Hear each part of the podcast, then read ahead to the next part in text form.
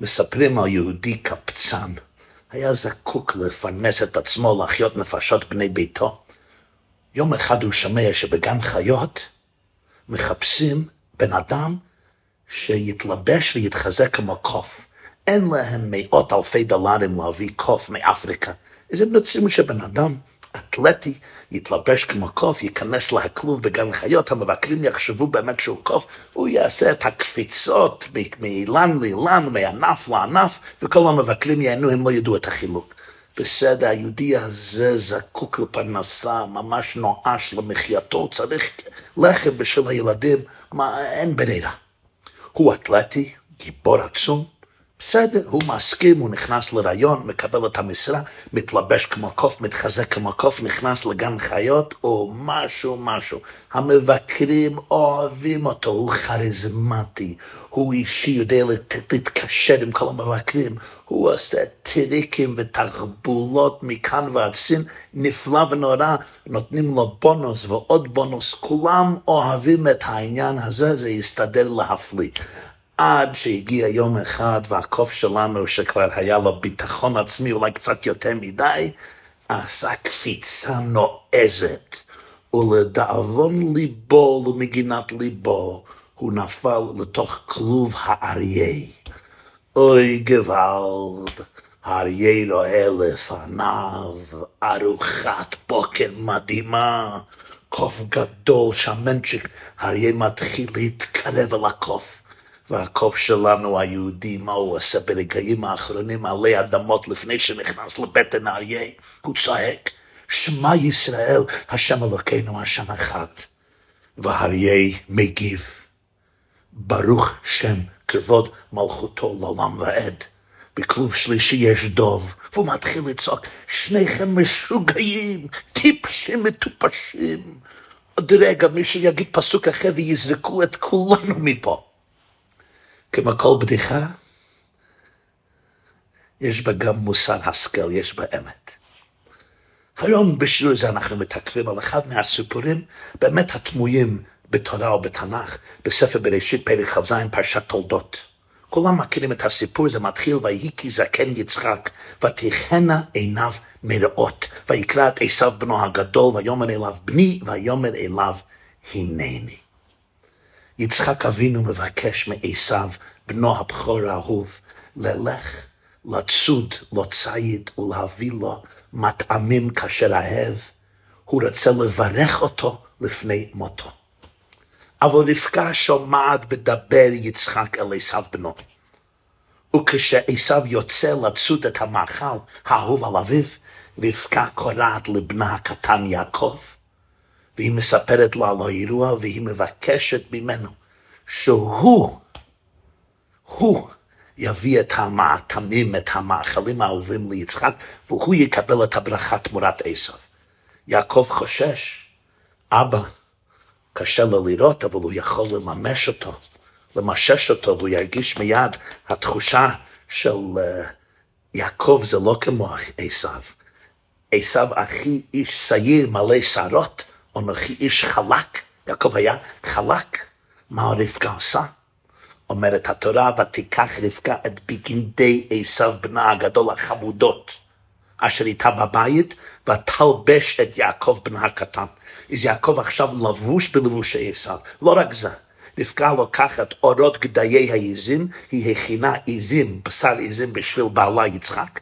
היא לוקחת את האורות של גדיים האלה ומלבישה אותם על ידיו ועל צוואריו של יעקב אבינו ככה, שאם יצחק ימשש את יעקב, התחושה תהיה בדומה לעשו שהוא מלא שערות. רבקה מכינה מאכל דומה למה שיצחק ביקש, ושלחת את יעקב לאביו יצחק עם אוכל. יעקב המתכסה, מתחזק כמו עשיו, לבוש בבגדיו, מכוסה בשרות עזים, נכנס אל יצחק, מעניק לו האוכל. והתורה מספרת, ויגש, וישק לו, וירח את ריח בגדיו, ויברכהו. יצחק אבינו מריח את הבגדים שיעקב אבינו לבוש בהם, ומברך אותו. ויאמר, ראה ראה ראה ריח בני כריח שדה אשר ברכו השם, וייתן, וייתן לך להקים את על השמיים ושמני הארץ, ולעבוד דגן ותירוש, שיעבדוך עמים וישתחוו לך לאומים, הווה גביל לאחיך וישתחוו לך בני אמך, עורריך ארור ומברכך ברוך. עד כאן הברכה שיצחק מברך ליעקב אבינו, המשך הסיפור ידוע, יעקב יוצא, עשיו נכנס, ויחרד יצחק חרדה גדולה עד מאוד, כשהוא מגלה מה, ש... מה קרה פה, וכל המשך הסיפור. התמיהות בסיפור זה רבו באמת במאוד מאוד, אבל אי אפשר להתעלם משאלה אחת. האם זו דרך הנכונה של אישה להתנהג? האם זה יפה ומתאים לרמות את בעלך? להמציא תוכנית מסובכת כזו להרים על בעלה יצחק? אם הייתה באמת לרבקה סיבה טובה מדוע עשיו לא ראוי לברכות אביו, מדוע היא לא יכלה למסור זאת ישירות ליצחק? תתיישב עם בעלך יצחק ותגיד לו מה, תוך מה את חושבת? מדוע רבקה לא יכלה להצטרף למסורת הישנה והמפוארת של נשים יהודיות שמסבירות לבעליהן כמה הן טועים, זה מעשים בכל יום, כן? אתה מחליט דבר אחד, אשתך קוראת לך לסלון למטבח ומסבירה לך שאתה לא יודע מה שקורה ואולי כוונתך רצויה, אבל לא עושים ככה. הרי לרבקה היה טיעון טוב נגד הענקת הברכות לעשב. ודאי שיצחק, אם אני יכול להבין את זה, יצחק בוודאי יכול להבין את זה. התנ"ך הרי מעיד, החומש מעיד, שיעקב היה איש תם יושב אהלן. בניגוד לאחיו אטום עשיו, שהוא יודע ציד איש שדה. מובן שבין שני האישיות של, בין האישיות של יעקב ועשיו, יעקב הוא המתאים להמשיך את שושלת הזהב של המסורת הרוחנית של אברהם ויצחק. רבקה מעדיפה את יעקב מסיבות צודקות, בעת דיבורה הנביא אמר לה, כן? שני גויים בבטנך, שני לאומים מהיך יפרדו, ורב יעבוד צעיר. זו הייתה נבואה שהיא שמעה כשהייתה מעוברת. על עשב נאמר בתורה שויבז עשב את הבכורה. הוא מכר את הבכורה עבור נזיד עדשים כשהוא הגיע מן השדה עייף ורעב. עשב כנראה היה בן אדם חמרני שלא נועד ליצור את השלשלת של אמונת הקל הבלתי נראה לעין הפיזי שדגל בו אברהם אבינו ויצחק אבינו. באמת צאצאיו של יעקב אבינו הפכו לעם ישראל, העם שהעניק לעולם את החזון המונותאיזם, אמונה בכל אחד, אמונה באחדות הבריאה והבורא, כללי המוסר שנמסרו בתורה בעשרת הדיברות, בשבע בצוות בני נוח וכו', עשיו הוליד את האומה האדומית, ובסופו של דבר הציוויליזציה הרומית עם התרבות של כוח, חסר רחמים והשג חומרי עוצמתי וגדול. אז למה שרבקה לא תחלוק את התובנות הזו עם בעלה? למה לרמות אותו? למה להפוך את היוצרות בצורה לכאורה בלתי מוסרית? הקושה מתחזקת עוד יותר. זה לא האירוע הראשון שאישה יהודייה לא מסכימה עם בעלה, והיא אומרת לו מה הדרך הנכונה לעשות, ומציית לה. זה הרי קרה בדור הקודם. לאברהם אבינו היה בן ישמעאל. ישמעאל רדף את יצחק, הם לא יכלו להסתדר יחד בבית אחד. מה קרה? שרה אימנו אומרת לאברהם, אי אפשר, הם לא יכולים להיות ביחד. גרש את האמה הזאת ואת בנה. היא תובעת שאברהם אבינו יגרש את ישמעאל והגר מהבית. אברהם לא רוצה, ממש לא רוצה, מסרב לעשות את זה. עד שאלוקים אומר לאברהם, כל אשר תאמר אליך שרה שמע בקולה. אז אברהם אבינו עושה את זה. הוא מציית לכל שרה. עכשיו יש בדור השני ויכוח חדש. יצחק רוצה לברך את עשיו, רבקה רוצה שהוא יברך את יעקב אבינו. אם באמת הברכות של יצחק כל כך חשובות, כל כך נשגבות, כל כך נעלות, כל כך יקרות, כי הוא איש קדוש, אז רבקה, למה תלמד, למה תלמד בעלך? תתיישב איתו, תגיד לו, תשאל את אלוקים, יצחק, אתה לא מאמין לי שיעקב צריך לקבל את הברכות? תעשה מה שאברהם אבינו עשה, אבא שלך. תתייעץ בקודש ברוך הוא, הוא כבר יגיד לך כל מה שרבקה אומרת לך, שמע בקולה. אבל היא לא עשתה ככה. היא הלבישה יעקב בלבושי עשיו, ואמרה לו ללך ולתפוס את הברכות, לגנוב את הברכות כביכול מאח שלו. יש המון ביורים במפרשים במשך הדורות, ובאמת צריכים לפתח את הרעיון מכמה צדדים וצדדים, אבל בשיעור זה אני רוצה לשתף אתכם עם ביור אחד שנמסר על ידי גדולי חכמי החסידות. אני ראיתי את זה בספרים של שני מענקי החסידות שחיו יותר או פחות בדור אחד. הראשון היה רב יצחוק מבורקי, והשני היה רב יצחוק מאיר אלתר, החידוש ההרים. שניהם היו בפוילן, חיו במאה, במאה, בסוף מאה ה-18 ובהתחלת מאה ה-19. הראשון ידוע בשם רבי יצחוק מוורקה. וורקה זה עיירה בפוילן. שמו היה רבי ישראל יצחוק קליש, קליש מוורקה. הוא נולד בשנת תקל"ט, 1779, 1779, והוא נפטר כ"ב בניסן תר"ח. זה היה 1848, 1848. הוא היה מנהיג חסידי מפורסם, אבי חסידות וורקה, הוא היה תלמיד החוזה מלובלין, תלמיד המגיד ממזריץ', היה תלמיד היהודי הקדוש, היה תלמיד הצדיק המפורסם בפוילן, רבי שמחה בינם מפשיסחה, ואחר כך נעשה מנהיג חסידי גדול בעיירה וורקה, רבי יצחק מוורקה, הוא נפטר בתר"ח. לא היה חבר, היה יהודי אחר, הוא נודע בעולם החסידות ובעולם, אה, ובעולם התורני בשם חידושי הדים. חידושי הדים זה רבי יצחק מאיר אלתר, שם המשפחה היה רוטנברג. הוא נולד בתקנ"ט, 1799, 1799, והוא נפטר באדר, כ"ג באדר, תרכ"ו, 1866, 1866. הוא היה תלמיד גדול של רבי שמחה בן מפשיסחה, ואחר כך תלמיד מובהק וגדול של האדמו"ר מקוצק, רבי מנחם מנדל מורגנשטיין. ולאחרי פטירתו של האדמו"ר מקוצק, איזה חידוש יהודים, נעשה רב חסידי נערץ בכל פוילן, והוא ייסד חסידות גור בעיירה גור, זה לא רחוק מוורשה, והוא גם מחבר ספר חידושי הרים.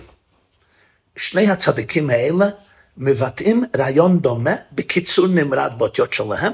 אני ארחיב את הדברים קצת כפי הבנתי, כיד השם הטובה עלינו בעזר השם יתברך. רבי יצחק מבורקה וחידוש הערים מסבירים שרבקה, היא לא רצתה לרמות את בעלה. היא הייתה האימא, ביידיש אומרים די יידיש המאמה, היא הייתה האימא היהודייה האמיתית ואולטימיטבית. the ultimate mother. רבקה הייתה לה חוש של אימא וסבתא. לאימא יש חוש לא רק לראות מה שקורה עכשיו, ולא רק מה שיקרה מחר, אלא גם מה שיקרה לטווח זמן ארוך. זה חלק מהאינסטינקט, מהאינסטינקט הנשי. רבקה הרגישה את ההיסטוריה היהודית לאורך הדורות. רבקה ידעה טוב שהמסע הארוך של צאצאיה, עם ישראל, לא יהיה קל. זה יהיה מסע מפרך, מסע קשה. יבוא יום, וחלק גדול מעם ישראל אולי יחווה משבר זהות, ויתחיל לשאול את השאלה המהותית, מי אני ומה אני? לאחרי שנות רבות של גלות, של סבל, של מצוקה, של רדיפות, של ייסורים, של שנאת ישראל. אולי יבוא יום שבו היהודי ישאל, מי אני? האם אני באמת יעקב אבינו? האם אני חלק מהגזע הזה של יעקב, חלק מהעם, הירושה, המסורה, האמונה, היעד של יעקב? או אולי אני יכול להיות כמו עשיו, להצליח הרבה יותר בחיים, להסיר ממני ומבני משפחתי ומקהילתי ומעם שלי את השנאה התהומית כלפי עם ישראל. ישראל זה השם של יעקב אבינו, השם השני. לפחות אם אני לא יכול להיות כמו עשיו, אבל אני יכול לחקות את עשיו, להיראות כמו עשיו, לדבר כמו עשיו, לחשוב כמו עשיו, להתנהג כמו עשיו, להתלבש כמו עשיו. ואף אחד לא יבחין, ואולי יצליח למגר את סבל העם היהודי, להקל, לעקור את האנטישמיות. נו, האם רבקה הייתה צודקת? האם זה לא מה שקרה במאתיים או שלוש מאות שנה האחרונות בהיסטוריה של עם ישראל? מיליוני יהודים התחילו להרגיש שהלבושים, שסדר החיים של יעקב אבינו פשוט יותר מדי קשה. גרם להם כל כך הרבה כאב. הרבה מהם חשבו, אם רק נראה כמו עשיו, אה, הכל יהיה יפה ומוצלח. מילא במשך אלפיים שנות, אה, יותר מכמעט אלפיים שנות גלות. כשהיהודים היו נבדלים ומופרשים מהתרבות האירופאית ומהתרבות העולמית, נו, לא היה להם ברירה. לא היה להם ברירה, לא הייתה להם ברירה לא להיות יהודים, לא להיות כמו יעקב. אבל אחרי שלכאורה המדע ניצח את הדת והנאורות אה, נכנסה לאירופה והתחילה מה שקוראים עידן ההשכלה והנאורות ונפתחו השערים של הגטו ובפעם הראשונה בהיסטוריה נתנו רשות ליהודים להיכנס ולהתבלל ולהיטמע, להיכנס לפתחי האוניברסיטה, להיות חלק מהתרבות הכללית. המון יהודים, המון יהודים, ואני, צריכים להבין אותם, צריכים להבין אותם עמוק עמוק. הבינו, זהו, מספיק. מספיק הזה עם, עם הסיפור של יעקב אבינו. זה לא הביא לנו הצלחה.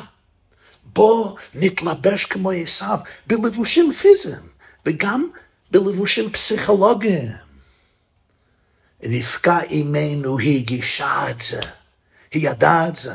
ותבינו, הרעיון הזה מועבר על ידי שני צדיקים בפוילנד, שגרים בתקופה זו ממש, בסוף מאה ה-18, בהתחלת מאה ה-19, כשמיליוני יהודים באירופה ובמזרח אירופה מחפשים לעצמם זהות חדשה, בנפרד מהזהות של אבא וסבא מדורי דורות.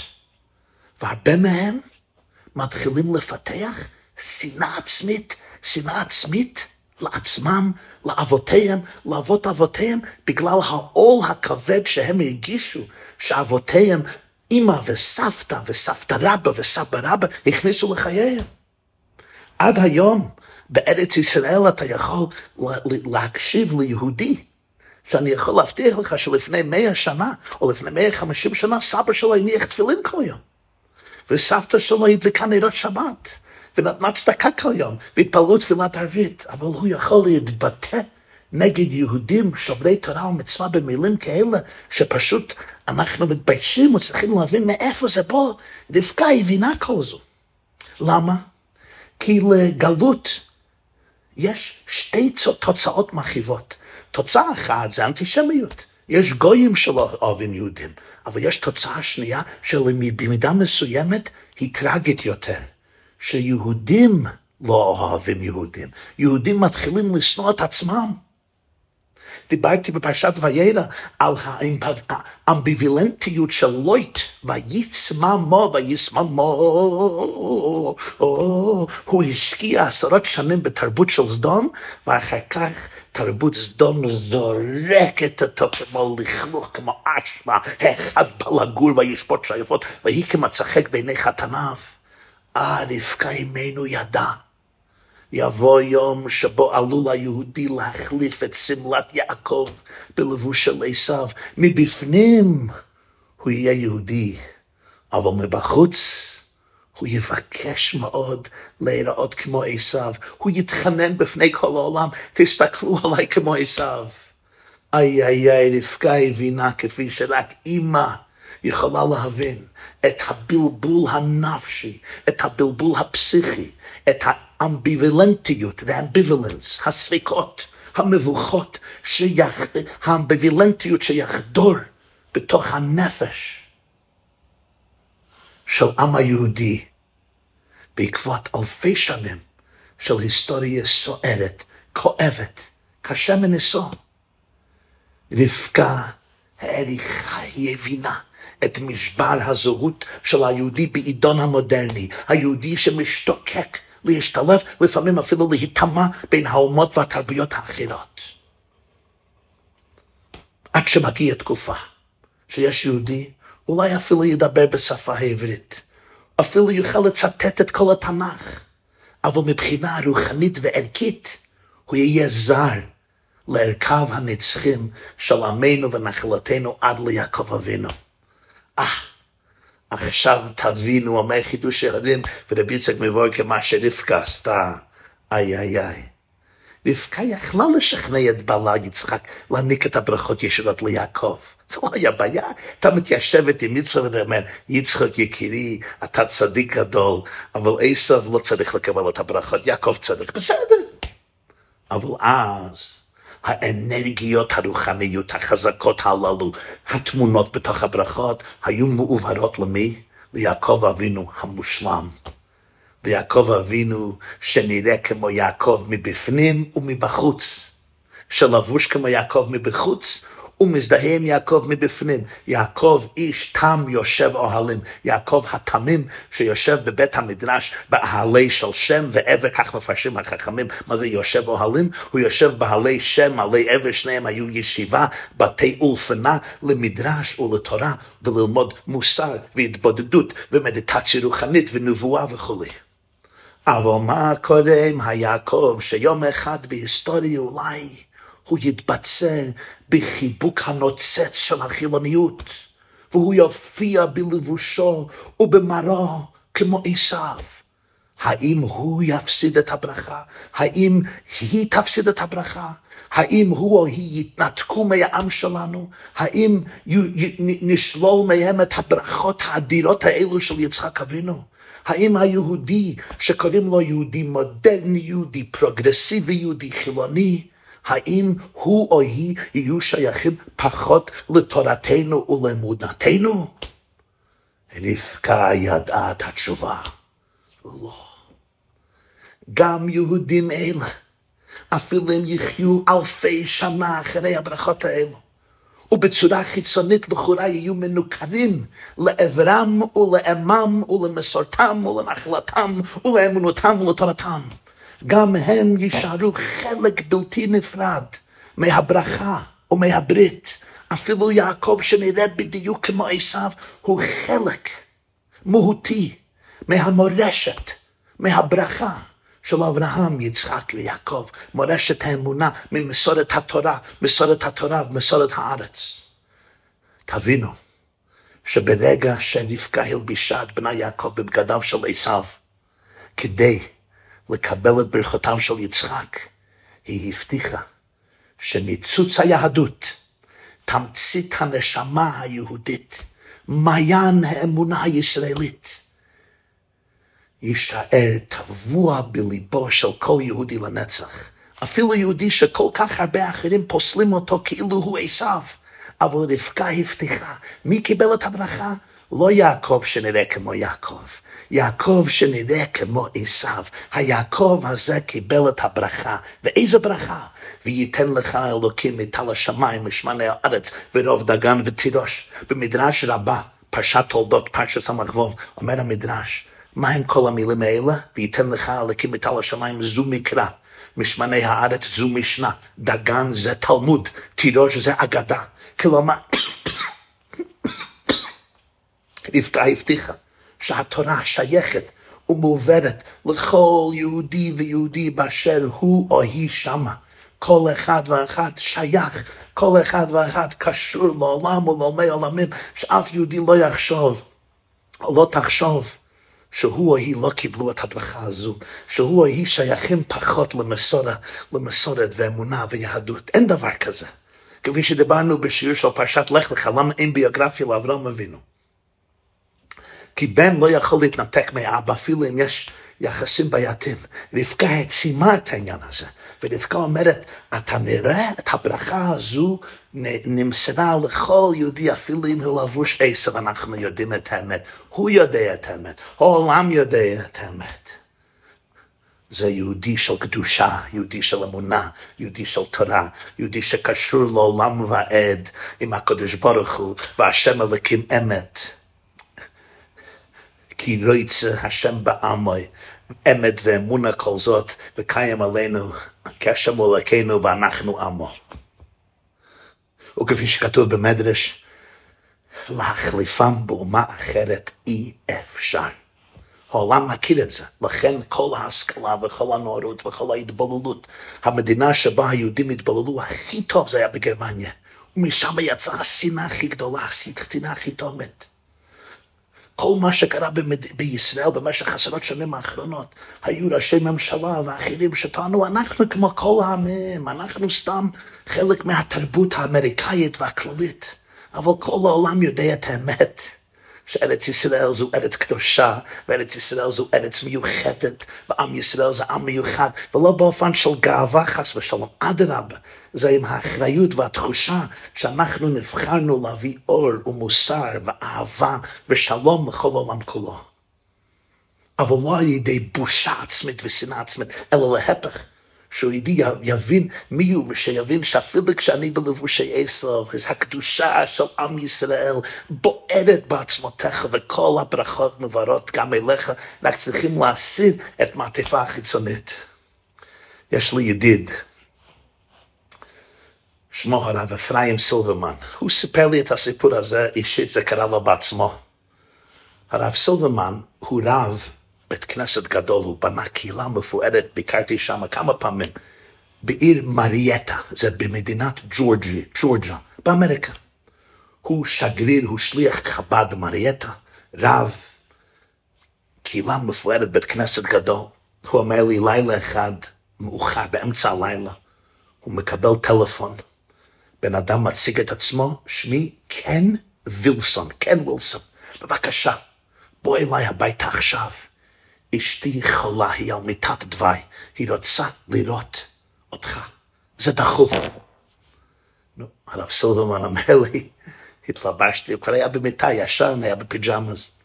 סילק את ה pajamas, התלבש בלבושים, רחץ את הפנים, נכנס למכונית ונסע ישר לבית של קן וילסון. הוא מכניס אותה לחדר המיטות. יש לו אישה שמה ליסה. ליסה וילסון. היא חלתה בסרטן קשה. כל הטיפולים לא עזרו, וכעת היא שכבה חולה מאוד בביתה. באמת היא הייתה נראית מאוד מאוד uh, תשושה, מאוד חולנית. היא מסתכלת על הרב רב אפרים, על הרב סילברמן, ואומרת לו, רבי, כבוד הרב, אני יהודי, ככה אומרת ליסה וילסון, אני יהודי, יהודייה. התחתנתי עם בעלי, הוא לא יהודי. הוא גבר נפלא. היו לנו נישואים טובים. אבל יש חלק מסוים ממני שהוא אף פעם לא הצליח להבין. וזו לא אשמתו. זה פשוט טבע של המציאות. הזמן שלי בעולם הזה מאוד קצר, כבוד הרב. יש לי בן, מת'יו, הוא בן עשר, הוא הילד היחיד שלי. עוד מעט הוא, יתייס, הוא יתייתם מאימו. אני זימנתי אותך הלילה, כבוד הרב, ואני מתחנן בפניך, לפני מותי יש לי בקשה אחת. תבטיח לי שהבן שלי יקבל איזה חינוך יהודי ושיעשו לו בר מצווה. זהו, בבקשה. הרב סילברמן אומר לי, דמעות זלגו מעיניי, הסתכלתי לה בעיניים ואמרתי לה, ליסה, אני מבטיח. היא נשמה עמוקות, אני ראיתי שזה, זה עשה לה איזה הקלה. הרב יצא מהבית, חזר, חזר לבית שלו, חזרה למיטתו. למחרת בבוקר מקבל צלצול טלפון מבעלה קן, קן וילסון. ליסה נפטרה כמה דקות לאחרי שהרב עזב את הבית. מת'יו בן עשר, עברו שנתיים. רב אפרים סילברמן, הרב סילברמן לא שכח את נדרו לליסה, ליסה וילסון. כשמלאו למת'יו 12 שנה, הוא התקשר לאבא של הילד קן. הוא מזכיר לו מה שקרה באותו ערב חשוך. הוא אומר, יש שנה שנשארה לו במצווה, אני רוצה להכין את הבן שלך היקר מת'יו לבר מצווה. תשובתו של האב הייתה מאוד מאוד קרה ואדישה. הוא אומר, תשמע, אני לא יהודי, זה לא חשוב. אני התחתנתי מחדש, לא עם אישה יהודייה, עם אישה נוצרית. אני נשוי לאישה נוצריה. אז מת'יו גדל בבית לגמרי לא יהודי. אבא לא יהודי, וגם האמא החורגת היא לא יהודייה. נו, רב אפרים סילברמן הוא רב חשוב, איש כריזמטי, וגם חבדניק. הוא לא מרפא כל כך בקלות, אתם מבינים, כן? הוא אומר, הוא סיפר את זה לי, הוא אומר, כן, תשמע, מה יקרה כשהילד שלך יתבגר, והוא יבקש לדעת אינפורמציה על אימא, אמרה אימא לפני מותה, והוא יוודא שלאימא הייתה בקשה אחרונה כמה דקות לפני מותה. מה הייתה המשאלה האחרונה שלו? שלא יהיה במצווה. איך הוא ירגיש כשהוא ידע שזה לא קרה? הוא לא יסלח לעצמו, והוא לא יסלח לך. כן, אתה לא יהודי, נכון, אשתך החדשה לא יהודייה, אבל הוא יהודי וזו הייתה המשאלה האחרונה של אימא. קן וילסון, איש ישן, הסכים. אומר, רבי, you're right, אתה צודק. מת'יו וילסון החל ללמוד יהדות אצל הרב אפרים סילברמן במשך שנה שלמה. רב אפרים ואשתו רחל השקיעו המון כוחות. הוא הגיע לביתם, הוא נעשה ככה חלק מהוויה המשפחה. נתנו לו כיף, לא, לא, לא, לא למדו אותו בקרירות, למדו אותו בהתלהבות ובחיות. וכשהגיע יום הבר מצווה ארגנו טקס גדול, חגיגה ומשתה בשבת ההיא, מת'יו נקרא לתורה. לפני שבת הוא התעטף בתפילין, הוא למד להתפלל, למד לקרוא א' ב', למד לקרוא בתורה, למד יסודות האמונה היהודית. הוא נשא נאום מרגש של השראה ועומק, והפך ליהודי גאה.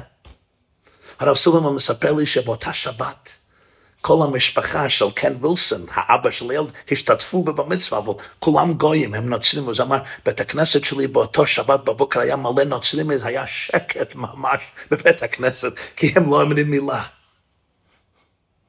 זאת אומרת, זה היה דבר מדהים. והילד הזה שייך עד היום באיזושהי צורה לעם ישראל וליהדות. הוא מספר את זה לי, ואני חושב לעצמי, ובפריים, איפה זה מגיע? היא הייתה נשואה ללא יהודייה, היא הייתה לא דתייה במלוא מובן המילה, ולא דתייה שגרה בישראל, לא דתייה שגרה במריאטה, ג'ורג'ה. אין שום דבר שיזכיר אותה על יהודים ועל עם ישראל ועל מסורת ישראל. והיא חולה. אין לה שום שייכות לדת. אבל מה המשאלה האחרונה שלה? שמת'יו יקבל במצווה, מאיפה זה מגיע? אני יכול להבטיח, אני חושב שהיא אפילו אולי לא הייתה יכולה לענות על זה. אבל זו הפעולה של רבקה.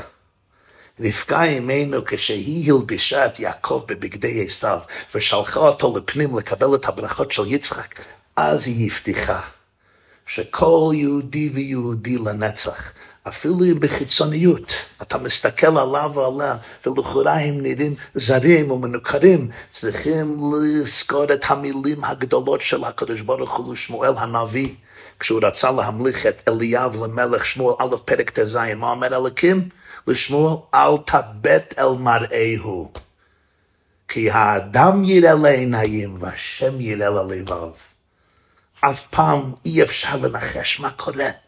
בתוך הלב, בתוך הנשמה של יהודי, אפילו אם היהודי הזה מסתכל במראה ומה הוא רואה, מה יראה, יראה עשיו.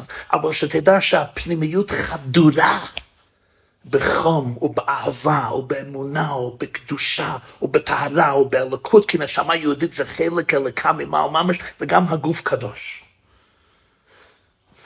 אז נש... נתאר לעצמנו, נתאר לעצמנו, שיצחק היה מסכים לרבקה. והוא מזמין את יעקב אבינו לחדרו ואומר, יעקב הצדיק, אני רוצה לברך אותך. נו, יעקב היה הולך לטבול במקווה, היה שם חגורה, היה אומר לשם ייחוד קודשה בריחו שכינתי, היה אומר כל ספר תהילים, היה מתפלל, היה מתבודד, והיה נכנס בתחילו ורחימו ביראה ואהבה לקבל את הברכה. אבל יהודי שלא שם חגורה ולא אומר לשם ייחוד, הוא לא שייך לברכה הזו. רבקה הבטיחה שגם ליסה וילסון, וכל יהודי ויהודי הם חלק בלתי נפרד ונצחי מהברכה הזו. לפעמים אני יכול להסתכל על עצמי ולחשוב שאני קוף, או אני אריה, או אני דוב. אבל אם מחפשים יותר פנימי, פנימה, רואים את השמע ישראל, השם אלוקינו, השם אחד. תודה רבה.